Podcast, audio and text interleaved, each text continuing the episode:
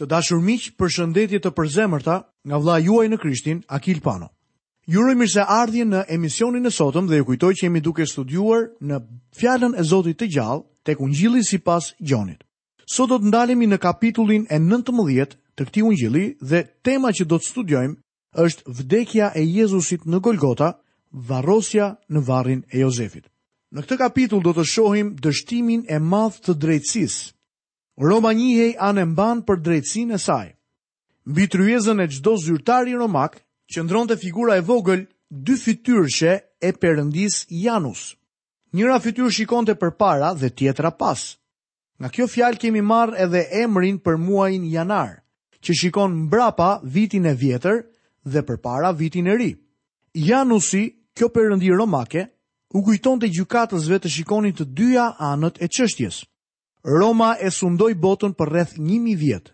Kur romakët shkonin tek një popull, u premtonin rrugë të mira, ligje, rregull, mbrojtje dhe paqe, por jeta do të ishte në një lloj diktature. Roma sundoi me një dorë të hekurt. Në gjykatën romake, trajtoheshin njëlloj si të pafajshmit ashtu edhe fajtorët. Gjykatësit ishin shumë të rreptë dhe i jepnin kujtdo atë që meritonte. E megjithatë drejtësia romake me gjithë shkëlqimin dhe famën e saj dështoi krejtësisht në gjykimin e Jezusit. Lexojmë në kapitullin e nëntëmbëdhjetë të Ungjillit sipas Gjonit, nga vargu i parë deri në vargun e tretë. Atëherë Pilati mori Jezusin dhe dha urdhër që ta fshikullonin. Dhe ushtarët thurën një kurorë me gjemba, ia vunë mbi krye dhe i veshën sipër një mantel të purpurt dhe thoshnin, Tungjatjeta, o mbreti i judenjve! dhe i binin me shuplaka. Nëse ishte i pafajshëm sipas drejtësisë romake, Jezusi duhej të ishte liruar. Nëse do të ishte fajtor sipas akuzës që ngritën kundra tij, duhej të kryqëzohej. Fshikullimi i Jezusit ishte i gabuar dhe tërësisht kundra ligjit. Pilati e bëri këtë sepse mendoi se kjo do t'i qetësonte judenjtë. Ushtarët e shfrytëzuan këtë mundësi për t'u tallur me Krishtin përpara se ai të kryqëzohej. Kur thuhet i binin me shuplaka, fjala tregon që ata luajtën me të një lojë mizore romake. Ata mund ta sakatonin dhe të bënin gjithçka që donin me të. Të gjithë ushtarët do t'i tregonin të burgosurit grushtat e tyre. Pastaj do t'i mbyllnin sytë dhe të gjithë përveç njërit do ta godisnin me sa fuqi që kishin. Pastaj do ta hiqnin shaminë nga sytë dhe nëse i burgosuri ishte ende i vetëdijshëm, duhej të gjente se kush prej tyre e kishte goditur. Me sa duket i burgosuri nuk e gjente asnjëherë të duhurin. Do të vazhdonin kështu derisa i burgosuri të kthehej në një masë të butë mishi. Besoj se Zoti Jezus ishte aq i goditur saqë nuk do ta kishit njohur. Isaia 52 dhe vargu i 14 na thotë, duke qenë se shumë veta u çuditën me ty, sepse pamja e tij ishte e shfytyruar më tepër se e çdo njeriu tjetër dhe fytyra e tij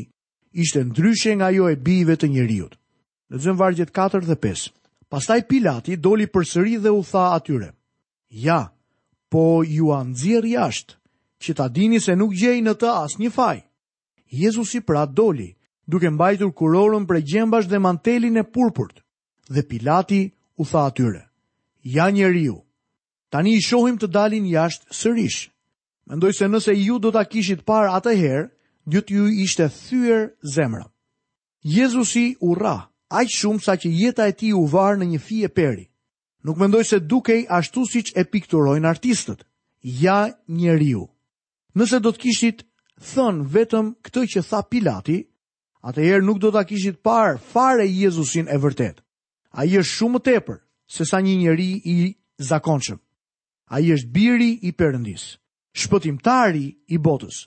Gjoni i shkroi këto gjëra që ju të mund të besoni se Jezusi është Krishti, biri i Perëndisë dhe që duke besuar në të mund të kenë jetën në emrin e tij. Lexojmë vargun e 6.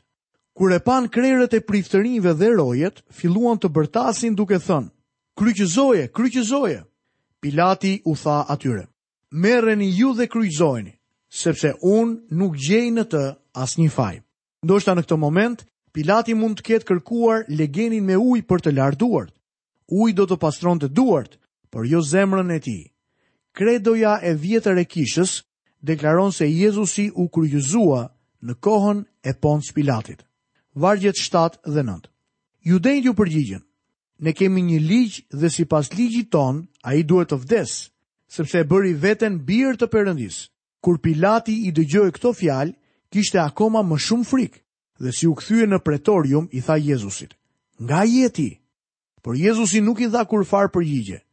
Pilati nuk është i kënaqur, kështu që e merr Jezusin përsëri brenda për ta pyetur. Lexojmë vargjet 10 dhe 11.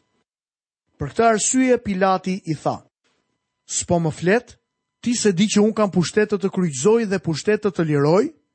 Jezusi u përgjigj, Ti nuk do të kishe asnjë pushtet përmbi mua, po të mos të qe dhënë prej së larti, prandaj ai që më dorëzoi tek ti, ka faj më të madh. Ka ndryshime në mëkate, ashtu siç ka ndryshime edhe në gjykime. Ata që dorëzuan Jezusin tek Pilati kanë mëkatin më të madh sepse kishin më shumë dritë se Pilati. Gjithsesi, kjo nuk e shfajëson aspak Pilatin. Ai është fajtor. Lexojmë vargun e dymbëdhjetë. Që nga ai moment Pilati kërkoi ta lironte, por judenjtë bërtisnin duke thënë, Po e lirove këtë, nuk je mik i Cezarit. Kush e bën veten mbret, i kundërvihet Qezarit. Që nga ai moment Pilati kërkonte ta lironte Jezusin. Pse? Për shkak se besoi në të? Jo, por sepse e dinte se Zoti Jezus ishte i pafajshëm.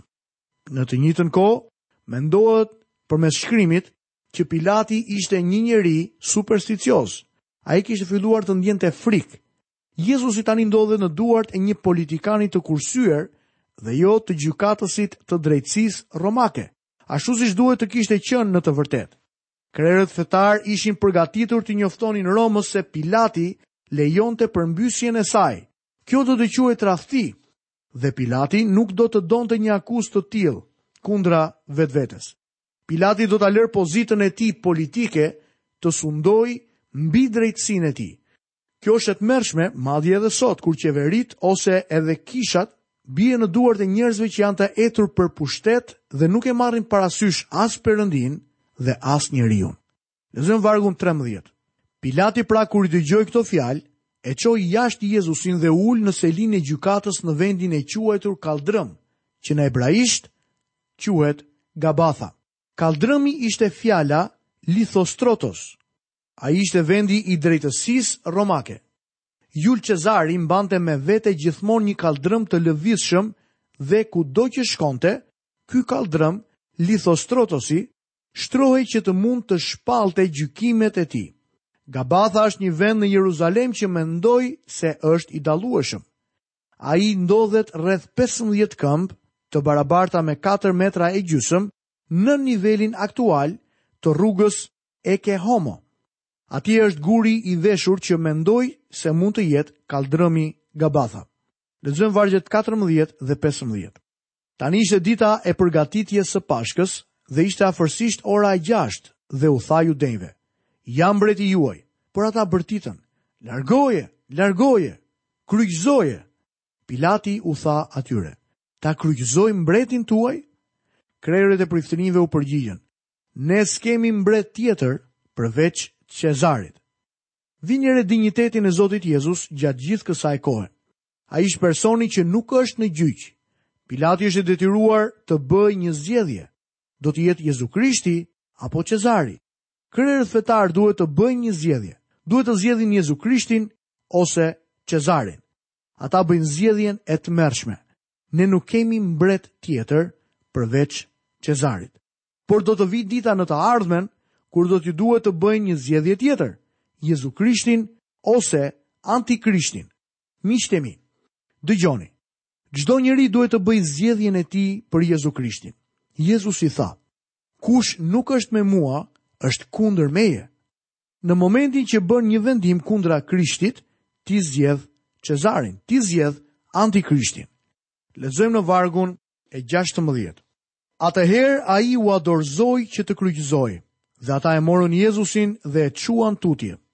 Ne flasim shpesh për vdekjen dhe ringjalljen e Krishtit, saqë për mesataren e të krishterëve bëhet diçka e rëndomtë. Kryqëzimi i Jezu Krishtit është një nga pikat më të ulëta dhe më të turpshme të historisë së njerëzimit. Por ky është shpengimi ynë. Ne kemi nevojë të ndalojmë këtu dhe ta shohim atë nga një pikëpamje e ndryshme. Sipas Zotit, kryqi është një pajtim. Ai është vendi ku Perëndia na shpreh mëshirën e tij. Ai është vendi ku u përmbush që një Perëndi i shenjtë dhe i drejtë të mund të vinte poshtë dhe të shpëtonte mëkatarët. Vetë froni i Zotit, vendi i gjykimit, u transformua në vendin e mëshirës ku unë dhe ti mund të gjejmë mëshirë në vend të gjykimit që meritonim. Jezu Krishti mbarti fajin tonë dhe Perëndia u kënaq. Nga ana e Zotit Jezus, kryqi ishte sakrificë. Ai është shpëtimtari dhe ofroi veten si flijim të plotë për mëkatin. Krishti është aroma e ëmbël për Perëndinë dhe një akt bindjeje ndaj Atit. Apostulli Pal na tregon tek Filipianët 2 dhe vargu i 8 se Jezusi u bind madje deri në vdekjen e kryqit. Nga ana jonë besimtarëve në Krishtin, ai është një zëvendësim. Jezusi zuri në kryq vendin tënd dhe vendin tim. Ai ishte personi i pamëkatë që vuajti për të gjithë ne mëkatarët. Jezusi ishte i drejti i vetëm që vuajti për të gjithë ne të padrejtët. Letra e parë e Pjetrit, kapitulli 2 dhe vargu 24, thotë, Ai vetë i barti mëkatet tona në trupin e tij mbi drurin e kryqit që ne, të vdekur për mëkate, të rrojmë për drejtësi dhe me vurratat e tij, plagët e tij ju u shëruat. Lexojmë më poshtë vargjet 17 dhe 18. Dhe ai duke mbartur kryqin e tij, u nis drejt vendit që quhej Kafka, që në hebraisht quhet Golgota, ku e kryqëzuan dhe me të dy të tjerë, Njëri në një anë e tjetri në anën tjetër dhe Jezusi në mes. Gjoni nuk na jep një pamje të kryqëzimit, ai përmend vendin, por jep vetëm pak detaje. Gjenerali Gordon, që nuk ishte i kënaqur me vendin brenda mureve të qytetit të quajtur Golgota, e zhvendosi mbi një shkëmb në formë kafke jashtë mureve të qytetit që u quajt Kalvari i Gordonit, gjë për të cilën mendoj se është Golgota e vërtetë. Me siguri që e mbani mend se çdo ofertë për mëkatin nxirrej jashtë kampit në një vend të pastër. Zoti Jezus përmbushi profeci në lidhje me veten e tij. Sipas modelit të dhënë në dhjatën e vjetër, oferta jonë e mëkatit, Zoti Jezu Krisht, u nxor jashtë qytetit. Autori i hebrenjve thekson faktin se Zoti ynë vuajti jashtë portave të qytetit. Lexojmë vargun e nëntë. Dhe Pilati shkroi edhe një mbishkrim dhe e vuri në kryq. Dhe atje ishin shkruar, Jezusi Nazareas, mbreti i judenjve. Do të vini re se nuk jam përpjekur aspak të harmonizoj ungjijtë e tjerë me ungjillin e Gjonit. Ata janë të ndryshëm dhe secili është shkruar me një qëllim të veçantë. Ju duhet t'i vini të katër bashkë për të zbuluar deklaratën e plotë të shkruar në kryq. Lexojmë vargjet 19 deri 22. Kështu këtë mbishkrim e lexuan shumë nga judenjtë sepse vendi ku u kryqëzua Jezusi ishte afër qytetit dhe mbishkrimi ishte shkruar hebraisht, greqisht dhe latinisht. Prandaj krerët e priftërinjve të judenjve i thanë Pilatit, mos shkruaj mbreti i judenjve, por se ai ka thënë, unë jam mbreti i judenjve. Pilati u përgjigj, atë që kam shkruar e kam shkruar. Mbishkrimi u shkrua në hebraisht që ishte gjuha e fesë në greqisht, sepse ishte gjuha e kulturës dhe edukimit dhe në latinisht, sepse ishte gjuha e ligjit dhe e rregullit. Kështu pra u shkrua për të gjithë botën që ajo ta shihte se Jezusi vdiq për të gjithë. Ky është ungjilli që i duhet predikuar botës. Kjo është shpresa e botës. Lexojmë vargjet 23 dhe 24. Dhe ushtarët, mbasi e kishin kryqëzuar Jezusin, morën rrobat e tij dhe bënë katër pjesë, një pjesë për çdo ushtar dhe tunikën. Por tunika ishte pa tegel e endur nga një copë nga maja e deri në fund. Prandaj ata i thanë njëri-tjetrit, Nuk e grisim por hedhim short kujt t'i bjerë, që të përmbushej shkrimi që thotë, I ndanë midis tyre rrobat e mia dhe hodhën short për tunikën time. Ushtarët pra i bënë këto gjëra. Mbasi e kishin kryqëzuar Jezusin. Asnjë autor i Ungjijve nuk e përshkruan vdekjen e Krishtit. Ka gjëra për kryqin dhe kryqëzimin që për ne janë të fshehura. Perëndia vendosi një vel mbi shumë detaje. Errësira mbuloi vendin, kështu që njerëzit nuk mund të shikonin. Së pari, Perëndia nuk do të na japë detaje të frikshme thjesht për të kënaqur kuriozitetin tonë të kotë. Së dyti, ai ishte një veprim midis Perëndisë dhe Birit.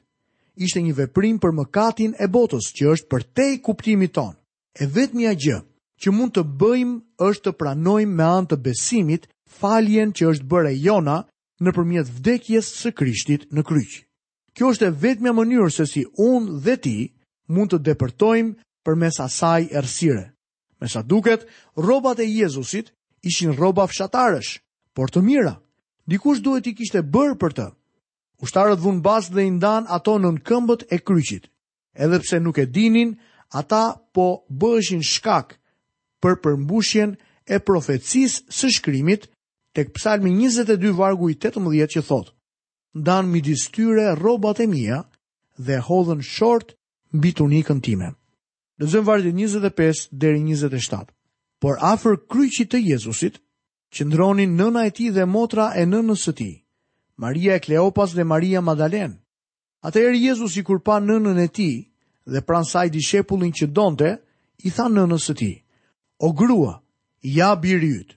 Pastaj i tha dishepullit, Ja nëna jote. Dhe që në atë moment ai e mori në shtëpinë e vet.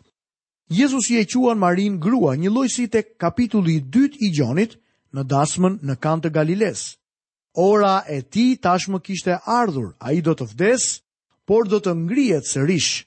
Ai do të lartësohet. Marrëdhënia e Krishtit me të jëmën duhet të jetë e rëndë. Për të ashtu siç edhe për ne, ai do të jetë Krishti i lavdëruar. Ringjallja e tij do ta fshijë emrin e saj përgjithmonë. Reputacioni i saj do të çohet në vend.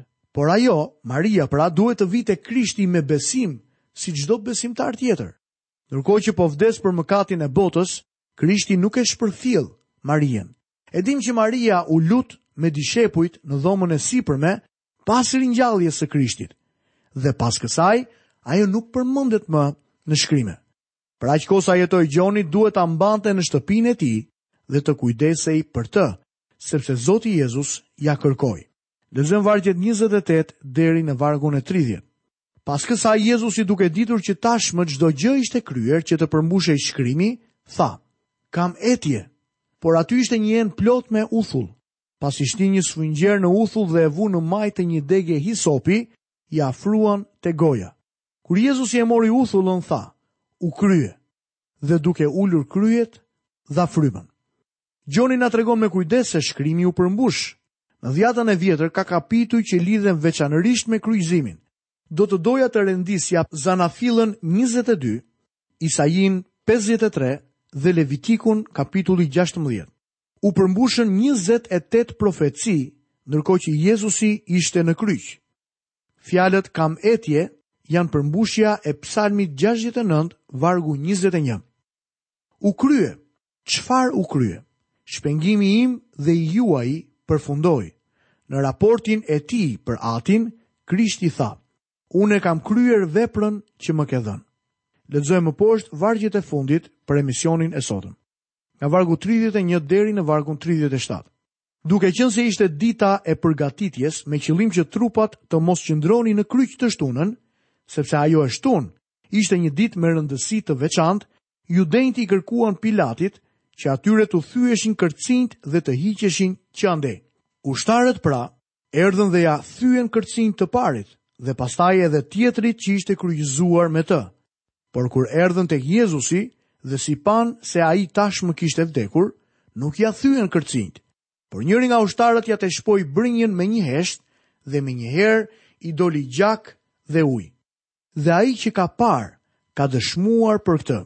Dhe dëshmia e tij është e vërtetë, dhe ai e di se thotë të vërtetën që ju të besoni. Këto gjëra në fakt ndodhën që të përmbushet shkrimi. Nuk do t'i thyhet asnjë eshtër. Dhe akoma një shkrim tjetër thotë, do të vështrojnë atë që e kanë tejshpuar. Profecia e parë që përmend Gjoni u përmbush. Në të thuhet, ai i ruan tërë kockat e tij dhe asnjë prej tyre nuk copëtohet, psalmi 34 dhe vargu 20. E dyta përgatitet të ndodhë dhe ata do të vështrojnë drejt meje, drejt atij që kanë therur, do të pikëllohen për të, ashtu siç pikëllohesh për një bir të vetëm. Zakaria 12, vargu i 10. Ai u ther, u flijua dhe kjo pjesë është përmbushur, por Zakaria thotë se Krishti do të kthehet sërish. Ata do ta vështrojnë atë që u ther dhe do të pikëllohen. Të dashur miq, këtu kemi mbërritur dhe në fundin e emisionit të sotëm. Unë falenderoj Perëndinë për dhuratën e mrekullueshme, Krishtin, shpëtimin që Perëndia i ofroi gjithë botës në gjakun e Birit të Tij. Lutem që Perëndia të derdhë këtë falje dhe këtë pajtim në jetën e të gjithë bashkë familjarëve tuaj, në familjen tuaj. Lutem që paqja e Perëndisë, gëzimi i frymës dhe dashuria e Tij të ruajë zemrat tuaja deri ditën e fundit. Nga vëllai juaj në Krishtin Akil Pano, paçi të gjitha bekimet e Perëndisë dhe paqen e tij në jetën tuaj. Bashkë mirë u dëgjofshim në emisionin e ardhshëm.